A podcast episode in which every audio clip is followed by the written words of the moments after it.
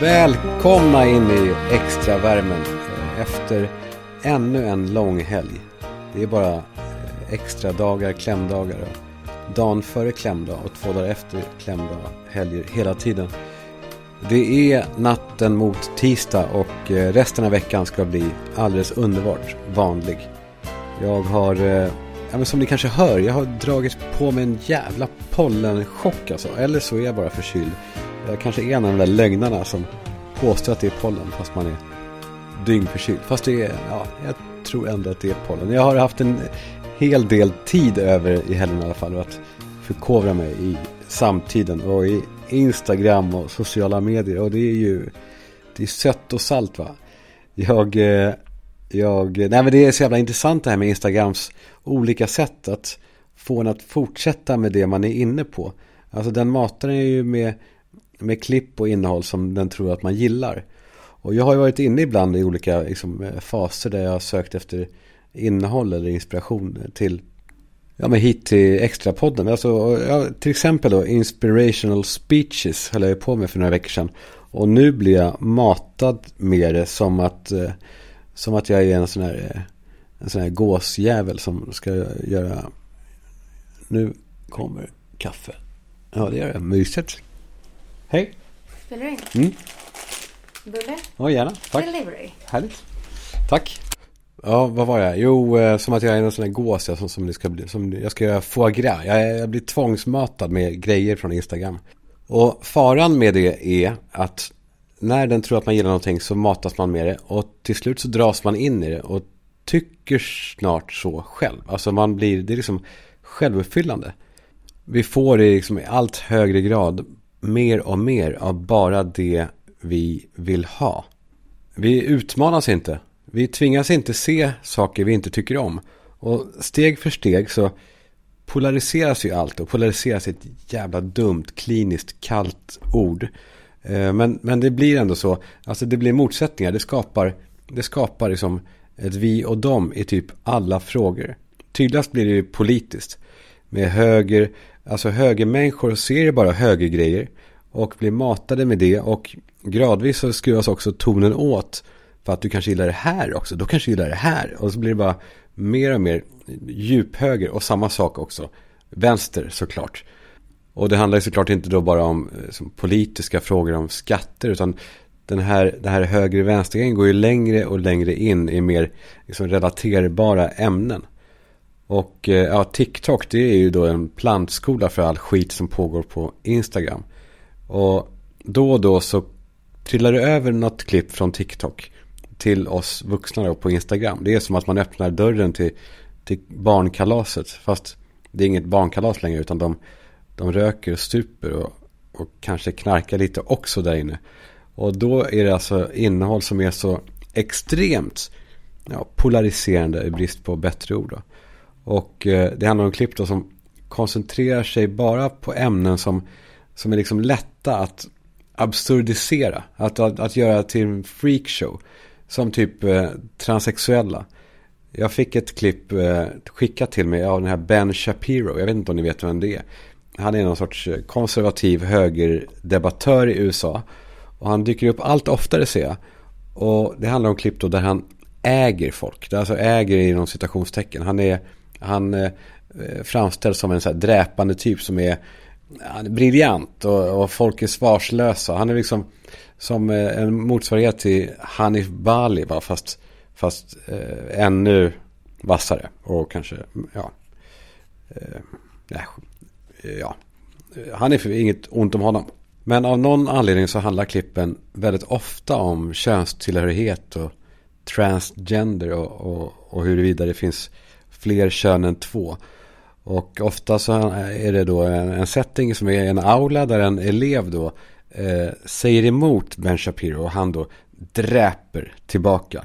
Och här kommer vi då in i ett klipp eh, där en tjej har sagt emot och påstår att det finns män och kvinnor och icke-binära och att eh, hon då inte känner sig som man eller kvinna. Och då kommer då hans eh, briljanta vändning. Eh, lyssna på det och så pratar vi efteråt. I will ask you how old you are, okay? Because you're young enough that it's probably not insulting to ask you. So. I'm 22, so I'm probably bit naive, right? No. Why aren't you 60? Why aren't you 60? And why, why can't you identify as 60? Why, what, what is the problem with you identifying as 60? It's the same as gender. You can't just. You're right. Age is significantly less important than gender. You can't magically change your gender. You can't magically change your sex. You can't magically change your age. Och där har vi det första tecknet då på att saker inte är eh, korrekta. Det här slutljudet, då vet man att nu är det något skit. Nu är det lögn, nu är det hittepå och spetsat till oigenkännlighet. Men om man då går in på, på vad de faktiskt säger där i klippet. En vuxen person kan förhoppningsvis fatta att, att det här klippet har en, en avsändare eller en agenda. Det är någon som vill någonting med det här klippet. Men barn som ju är på TikTok trots att de säger att det är 12 år. Det handlar ju inte om det. Det är ju för barn. Barn fattar inte det där. Barn fattar inte heller på alla sätt den här filmen är manipulerad. Alltså hur, hur fulklippt den är. Och hur den här avsändaren då har, har gjort allt för att styra tittaren att tycka en viss sak. Ja, i det här fallet då att det finns bara män och kvinnor.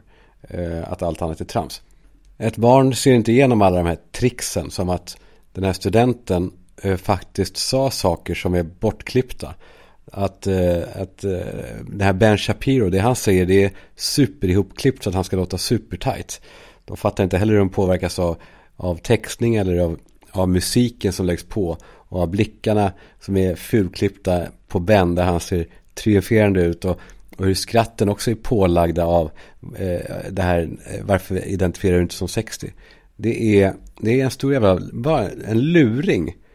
Och den är riktad mot barn. Och jag ska vara ärlig nu, jag tänkte inte säga det kanske, men jag fick det här klippet skickat till mig av min dotter Penny.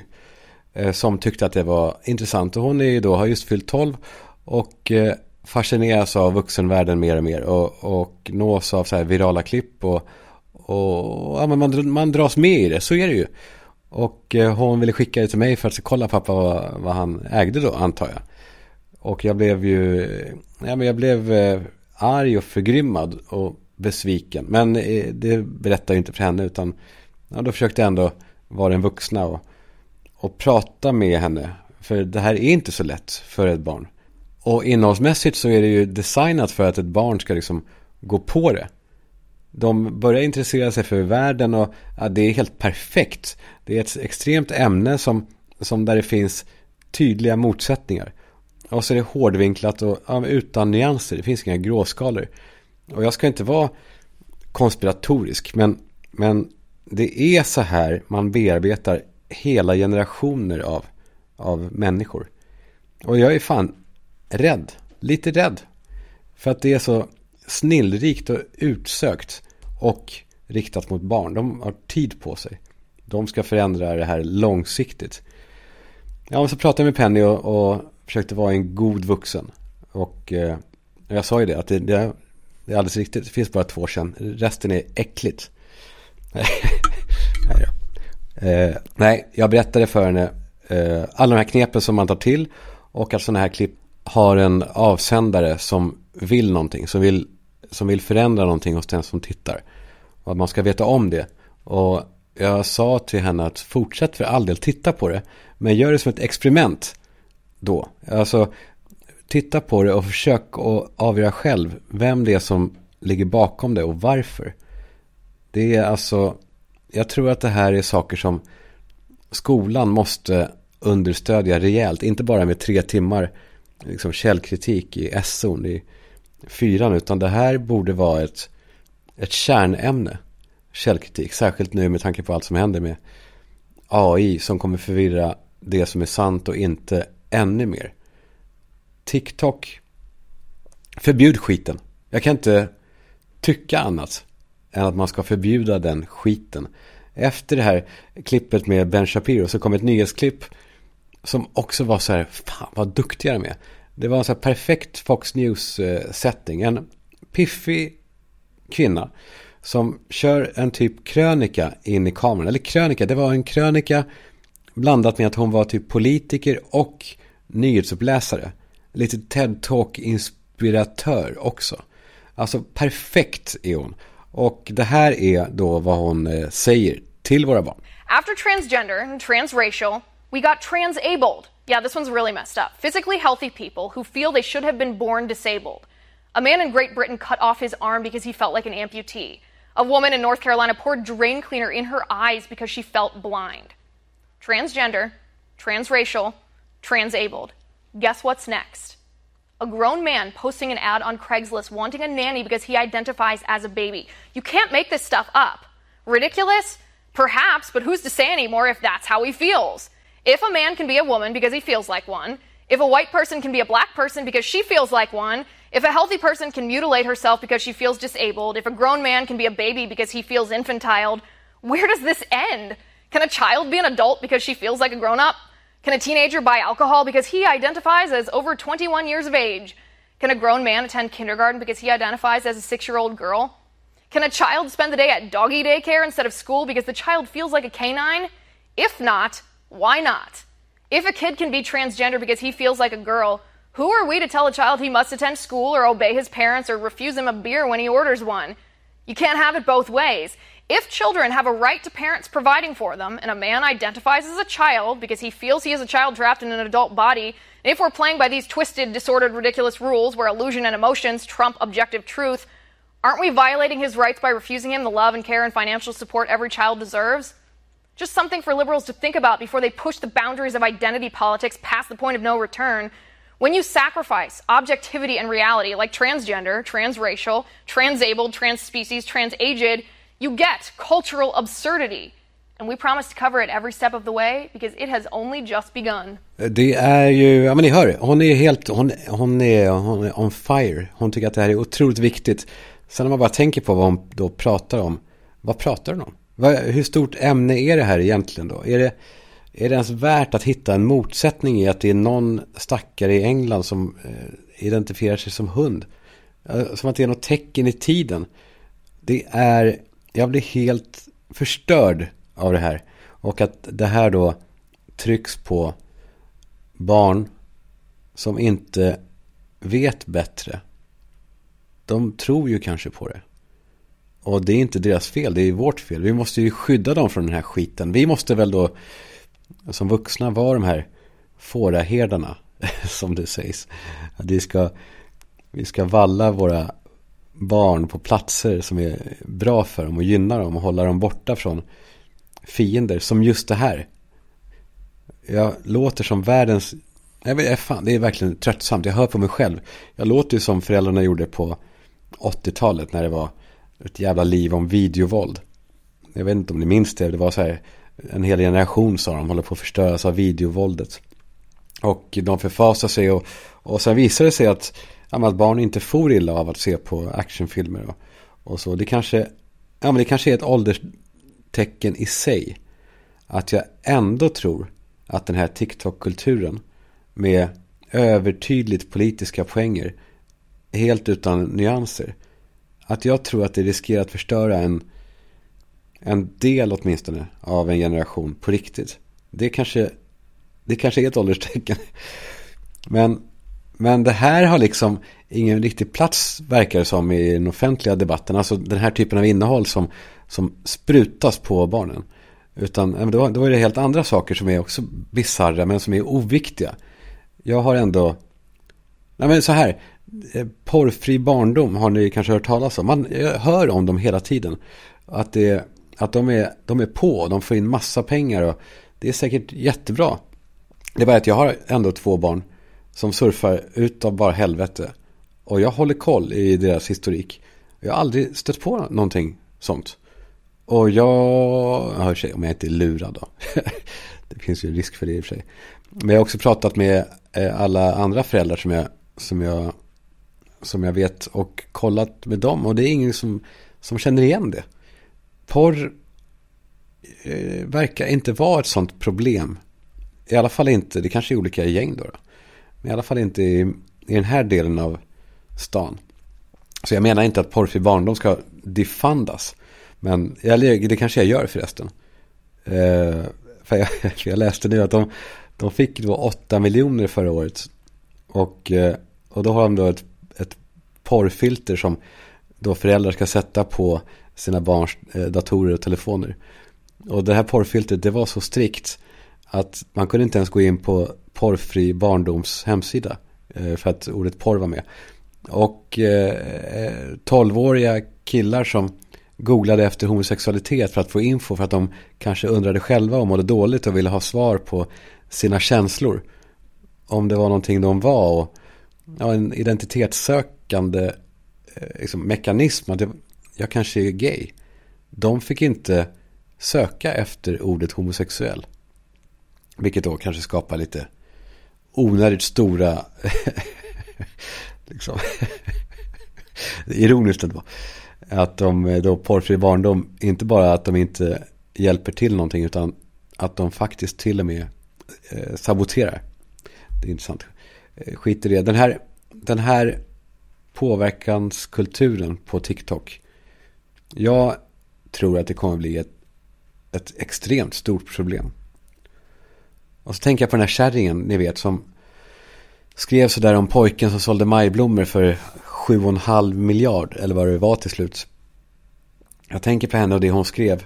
Det var så dumt och så liksom efterblivet.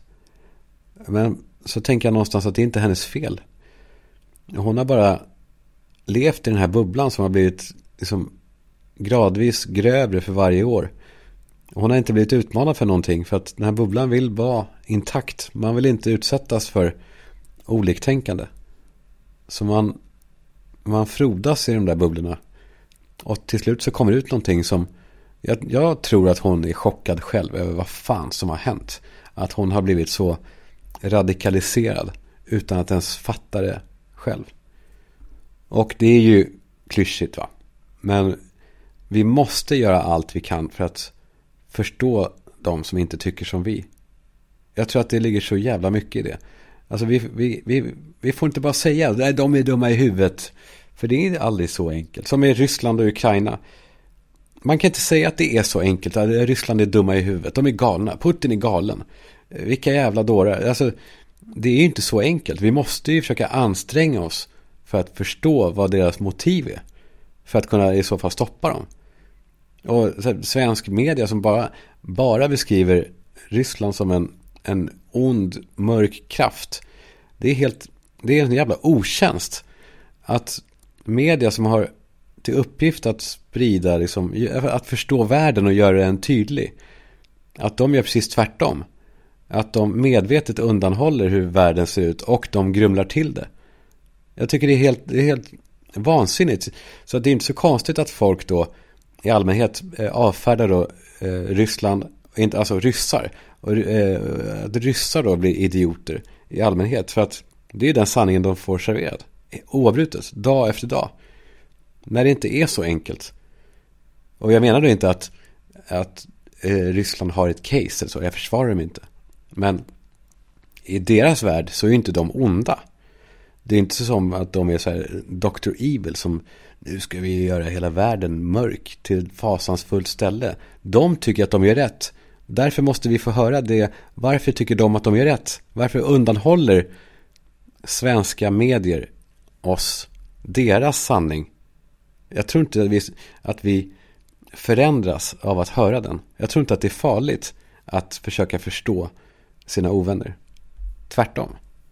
Fan, det känns som att jag är inne på eh, Eh, så här, konspiratoriska veckan nu. Men det, jag har en ökande känsla av att, att det håller på att liksom skapa större och större vågor och grupper av människor som gör någon form av, äh, som får nog där ute.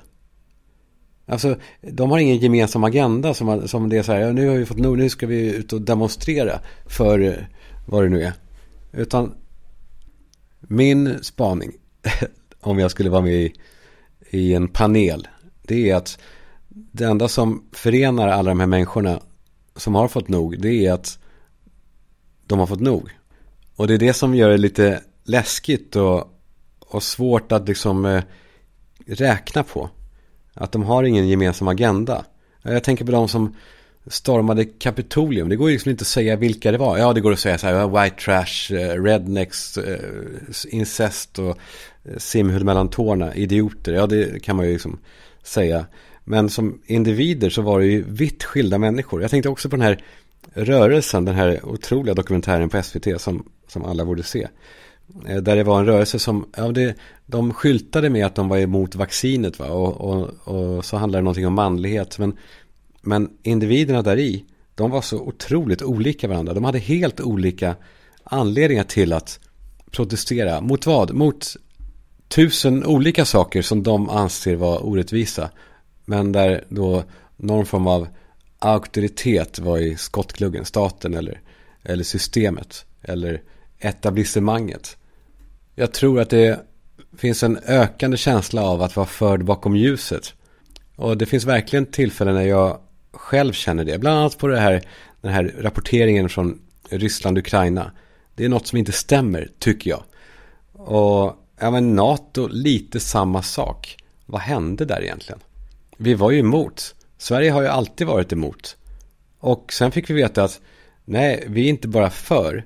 Vi är för med en förkrossande majoritet, påstod någon av politikerna. Det var ju inte så. Men om man lyckas sprida bilden man vill ha, man, man, man påstår att det är på ett visst sätt, då blir det så. På samma sätt som, det kanske ni har hört, eh, Paris efter kriget, det var liksom eh, eh en stad i spillror som skulle försöka hitta en ny identitet. Vad ska vi göra tänkte de? Vad ska vi vara för stad? Vad ska vi vara kända för? Eh, någon sa vi kan bli modets huvudstad i världen. Och man bestämde sig för det. Man tog då en eh, modekreatör, Christian Dior, och lät honom få fria händer, fria tillgångar att göra precis det han vill. Allt för att eh, liksom, göra Paris till världens modehuvudstad. Och man påstod det om och om igen. Paris är modets världshuvudstad. Tills det blev så. Tills det blev ett faktum. Det är verkligen ett effektivt sätt att få sin vilja igenom. Att bara påstå saker. För att det har en förmåga att bli som man säger. Och folk vill liksom ta till sig det. Om någon påstår någonting så är vi artiga och välvilliga och vill inte säga emot helst. Så att vi tror gärna på det. Ja, så att för att knyta ihop säcken som jag har blivit ombedd att göra i lite högre grad så tänker jag att vi går vidare nu. Till reklam. Jag vill tacka bokadirekt.se, min älskade bokadirekt.se. Vi pratade nyligen om att det är hög tid att fixa till alla våra flas. Solljuset där ute nu är obarmhärtigt. Och dagarna är långa, så solen lyser på oss hela tiden. Men den ger heller ingen färg. Vi är så bleka att vi är, vi är som sådana här krill som valar äter. Man ser liksom igenom oss, man ser våra ådror. Så gör nu så att ni bokar en tid hos just er favorit.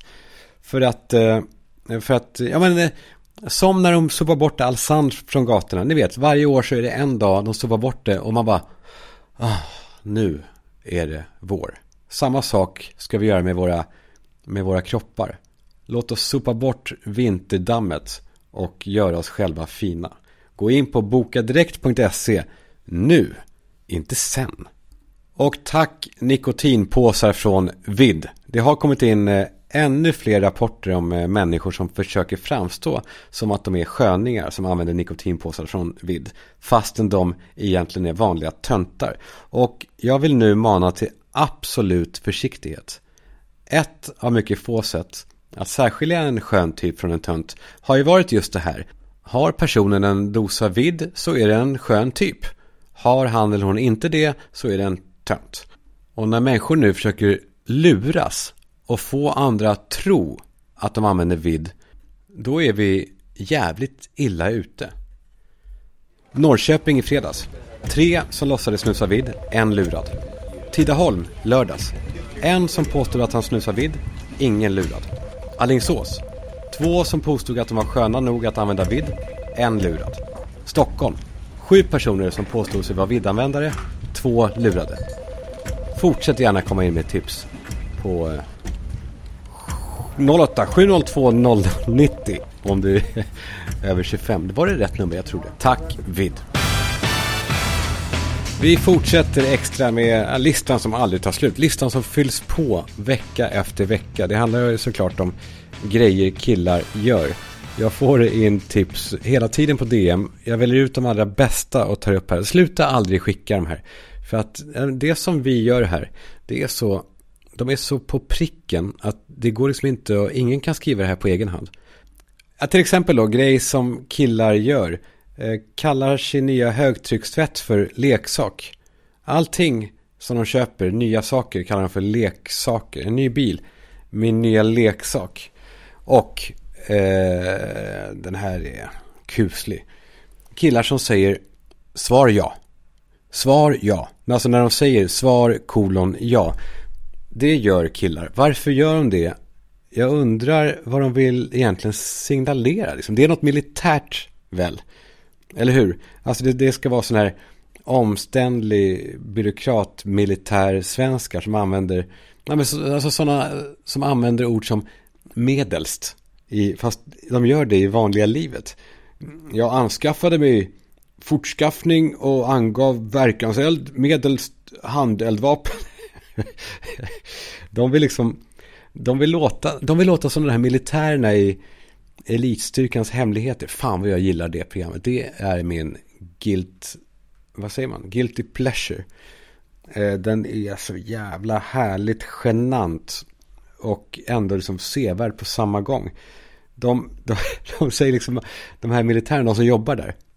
De säger liksom alltid emot sig själva. De har så extremt hårda, tydliga sägningar emellan alla grejer om vad de värderar och hur, hur, hur en operatör ska vara. Men, men eh, de, ena gången säger de så här, det, det, viktigaste för en operatör det är att lita på sina kamrater. Eh, och att hjälpa den svagaste länken och aldrig ge upp, typ. Jag menar inte att härma någon då, men det låter som att de pratar ofta så. Och det säger de ena gången, andra gången säger de liksom rakt emot. En operatör kan inte lita på någon. Och det, den som är svagaste länken ska ut. Den ska, den ska skjutas med avrättning. Medelst Glock. Och kastas i en grop. Ja, nej jag vet fan. Det, det är, um, ja, starkt. Tack. Fortsätt skicka som sagt eh, grejer som killar gör på min DM eller, eller vad fan ni vill. Jag, eh, ni kanske hör ja, som sagt att jag är låter lite dassig, låter, låter lite täppt. Låter som att jag har varit på en riktigt bra fest. Eh, men det har jag inte. Jag var på apoteket då för att lösa det här. Eh, vad det nu är, pollen eller förkylning. Jag brukar dundra på med Espiritox. Jag vet inte varför men jag inbillar mig att det funkar. Jag brukar ju hata sådana här huskurer eller trollerimediciner. Men Espiritox Forte. Det tar jag, överdoserar utav bara helvete. En ask per dag under liksom själva insjuknandet. Och, och sen, eh, sen brukar det bli bra efter fem, sex dagar. Och det är väl så lång tid det tar att bli frisk från en förkylning ändå. Men, eh, och så Alvedon. Och när jag är där på apoteket, det här skulle jag vilja bara kolla med er vad ni känner. Jag ser då på apoteket att det finns två olika Alvedon. Den vanliga blåa liksom. Och så finns det en som heter Alvedon Novum. Som ser liksom lite, lite fräsigare ut. På den vanliga Alvedonförpackningen eh, så då ligger en Alvedon-tablett och liksom guppar i, i det blåa. Den ligger där och, ja, men som, att det, som att det är en flytring på paketet. Och i Alvedon Novum, den här fräsigare, där är liksom tabletten, den är på väg i hög fart. Det är fartränder och det är lite rött och det är raffigt, lite porrigt kanske till och med. Och de här tråkiga vanliga Alvedonen kostar 51 och den här sexiga kusinen Novum kostar 59. Och jag tänker vad fan är, vad är det då för skillnad? Så jag googlar där i butiken.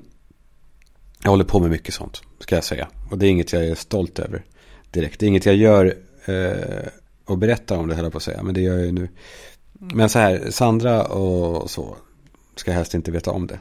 Jag håller på mycket och deepar i, i liksom eh, konsumentfrågor när jag är ute i butiken. Jag kollar kilopris och jämförelsepris och, och ibland så dyker det upp små problem och utmaningar. Och då blir det som att det är lite fest. Som med toapapper, då är det så här, vad fan är nu då? Hur, nu, blir det, nu blir det marigt här. För att där pratar de då om jämförelsepriset, då är det pris per kilo. Så man ska jämföra olika priser då mellan, mellan liksom Coops egna och Särlas ultramjuka. Och ja, men där blir det jätterörigt för att kilopriset är inte superintressant på toapapper. För det handlar ju om densitet. Och då tänker jag så här, meterpriset då skulle man ju kunna eh, jämföra. Men då vet man inte hur tjockt pappret är. Så storlekspriset egentligen, ja man skulle göra, man skulle egentligen hitta en ny form av jämförelse mellan toapapper som skulle bli mer rättvist. Men, men eh, ja, jag har hållit på, jag har hållit på att lura i det där länge. Om ni kommer på något så säg gärna till.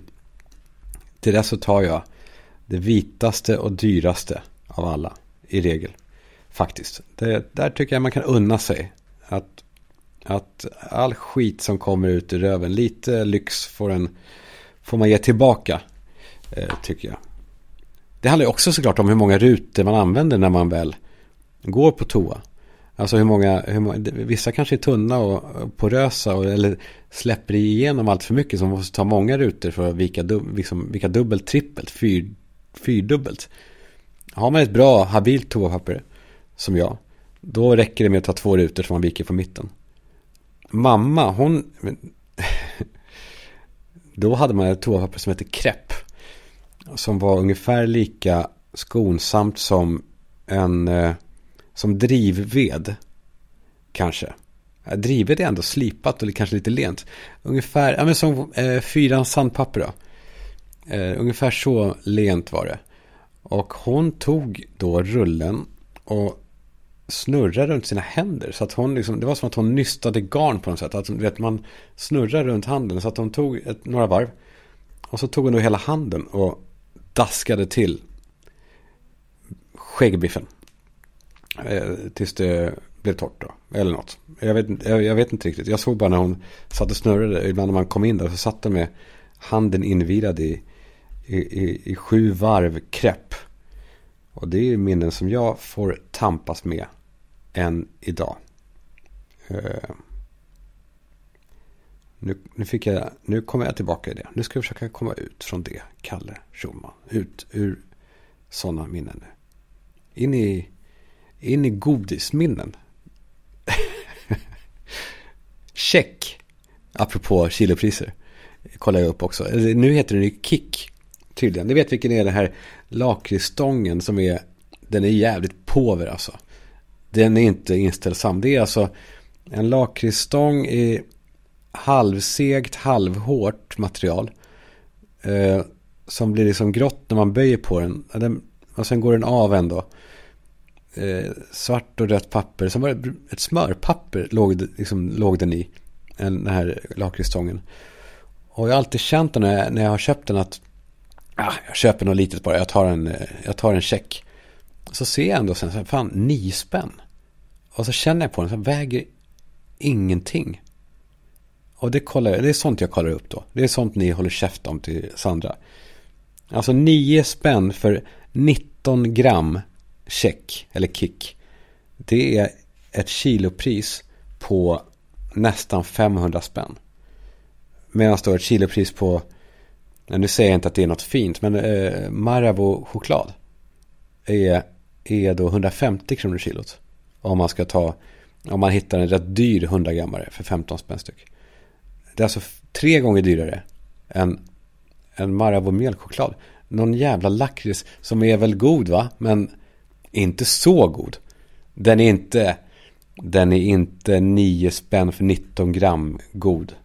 Det måste ni hålla med mig om. Men eh, vad var vi nu? Jo, vi var ju fan på apoteket. Vi, vi pratar ju Alvedon ju. Och eh, det får veta då om Alvedon och Alvedon Novum är att eh, Alvedon verkar efter 30 minuter och Novum verkar då dubbelt så snabbt. Där mår man bra efter en kvart. Och det här stör mig. För att jag undrar då, jag frågar mig varför har de kvar den gamla då? Man, ja, man skulle ju kunna bli dramatisk här och göra det till en klassfråga. Alltså att det är bara, nu är det bara rika som ska vara smärtfria snabbt. Eh, för de fattiga, de får vänta en kvart extra på att ha mindre ont. Men, men eh, om man då ska vara lite mer rimlig då. Ett bolag som har en produkt som vid en tidpunkt förbättras då brukar man väl liksom vilja förknippas med det här nya. Jag menar, alltså, borde de inte döpa den nya Alvedon till Alvedon? Alltså, stryk det här med noven. Det, den nya Alvedon, den funkar på en kvart. Och sen den gamla till, till typ Alvedon fattig kan det heta. Eh, den är billigare och, och sämre liksom. Eller fattig, eh, klart, det är dumt att pissa på sina kunder. Den kan eh, heta, den kan heta, vad ska det heta för att, vad heter saker som inte, det ska vara billigt utan att reta upp. Go light heter det ju på SAS va? Alltså eh, fattigmansbiljetterna, SAS Go light. Avedon Go light kan det heta. Och jag vet att ni kanske tycker att det här är, nej ni tycker inte att det här är en bagatell, för ni är som jag. Vi är ett, ni och jag. Men det finns kanske folk som tycker att det här är bagateller. Men sådana här bagateller tar upp en stor del av mitt liv. Vissa perioder i alla fall. Och man ska inte förakta sådana här små ämnen. Det är kanske därför som extra ens existerar. Det här är den enda podden som frågar hur det kommer sig att ingen gurglar längre. Extra är den enda podden som konstaterar att det sista icke-ironiska gurglandet genomfördes 2003. Eller hur? Ingen gurglar oironiskt efter 2003. Ja, ni hör. Men eh, jag var, just det, på apoteket skulle jag också hämta ut receptbelagd medicin. Och det är ju verkligen slående hur personalen myser med att vara icke-diskreta mot folk som vill hämta ut receptbelagd medicin. De vill ju helst att alla ska höra, hela jävla köpcentret ska höra vad det är man är ute eh, för att hämta. Och också hur man ska använda det. Jag, eh, jag är rätt ny i receptbelagd medicin och när jag kom fram till, till den här disken så tänkte jag att liksom, det, skulle, det räcker med legitimation och det här sköter vi lite snyggt. Hon tar det och eh, pilar, pilar iväg och kommer tillbaka och så, här har du, gå hem nu och ta hand om dig. Eller så. Det var precis tvärtom. Den här tanten i vit rock tog min legitimation med en suck och knappade. Sådär, surt. Och, eh, och eh, så frågade hon utan att titta på mig. Så här, vad ska du ta ut? Och jag blev så ställd. För det lät som att jag skulle få välja. Fast jag, bara, jag visste att det är bara en sak utskriven. Så jag svarade att ja, ja, jag ska hämta det som står där. Och hon nöjde sig inte med det. Utan frågade, ja, vad är det som står här då? som att det var något jävla prov. Och då sa jag liksom tyst då. För att jag ville, jag ville visa henne att jag föredrar och vi håller det väl lite lågt. Eh, för det är ändå privat det här. Alltså, jag vet inte vad sakerna heter, sa jag. Eh, så jag minns inte vad läkaren sa, men det är det som står där, det skulle jag hämta ut. Men hon gastar på. Ja, då... Fan, jag skäms nu. Då, hon hojtade. Då ska, du ha en, eh, då ska du ha en burk mini Prodiloki eh, Valikal mot din, eh, mot din grava CP-skada. Karl Johan Schulman. Typ. Fast hon sa, alltså det var inte den medicinen jag skulle ha. Mot det heller, vad jag vet. Och jag blev ännu mer liksom, höga axlar och lågt huvud. Och hon gick iväg och donade och drog i alla de där lådorna. Och så stannade hon upp, jag tittade på henne. Häpet. Hon stannade upp vid någon kille och snackade. Och då liksom stod hon och trummade med min, med min eh, burk. Som att det var, eh, som att det var en linjal, eller som att det var en penna. Och höll på småprata liksom. Och eh, ja, så kom hon tillbaka och frågade sig, ja, och vet du hur du gör nu med doseringen? Och jag sa, att ja, absolut. Läkaren har berättat väldigt noga för mig. Men det sket hon i. Hon bara, så varje morgon ett piller mot eh, CP-skadan. Eh, fast det är inte det då. Och sen ett till vid behov och vid sänggå, alltså. Ni vet. Och jag tänkte att nu, nu säger jag ifrån. Nu, nu räcker det. Så här ska det inte gå till. Så, så jag sa, hör du, du står där med din vita rock och låtsas vara läkare. Och jag minns hur det var på gymnasiet hos syokonsulenten. Att typ ingen ville bli apotekare. Så att vem som helst kunde bli det. För ni går med era vita jävla rockar och är... Ni är samma sak för läkekonsten som parkeringsvakter är för rättsstaten. Och ni jobbar på en, eh, på en affär som liksom låtsas vara statligt inrättad. Men ni kan ändå inte hålla er från att tjäna pengar. Så att du är din vita rockjävel. Du får betalt på grund av att ni också säljer dildos och Läkerol. Men ändå så tar du friheten att, att stå och ropa ut här. Så att alla kan höra vad jag har för liksom, medicinska behov. Du, du borde skämmas. Det är förnedrande. Det är förnedrande för dig. Och, och dig. Vad, är det, vad fan var det Laila Freivalds sa? Ni vet, justitieministern ballar ju ur så här. Du gör intrång i mitt hus. Du står utanför min port. Du kränker min familj. Detta är förnedrande. Framförallt för dig och dig och dig. Ni borde skämmas Och det här är extra för dig för dig och dig och dig och dig. och dig För dig och dig och dig och dig. Hörni, tack för att ni låter mig göra det här med er. Jag eh, älskar er. Nu gör vi eh, vecka av det här så hörs vi snart. På onsdag, onsdagar så kommer ju Bord för tre eh, som jag har med Värmlandspöjkerna. Eh, tack för kaffet killarna. Och på torsdag kommer väl ännu en ny extra extra. Och så är det ny vecka igen. Och så rullar det på. Tack för att ni finns. Puss. Sometimes you wanna go where everybody knows your name. And they're always glad you came. You wanna be where you can see our troubles are all the same. You wanna be where everybody knows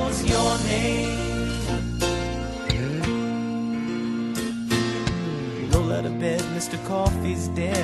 The morning's looking bright. Morning's looking bright. And your shrink ran off to Europe and didn't even write. And your husband wants to be a girl. Be glad there's one place in the world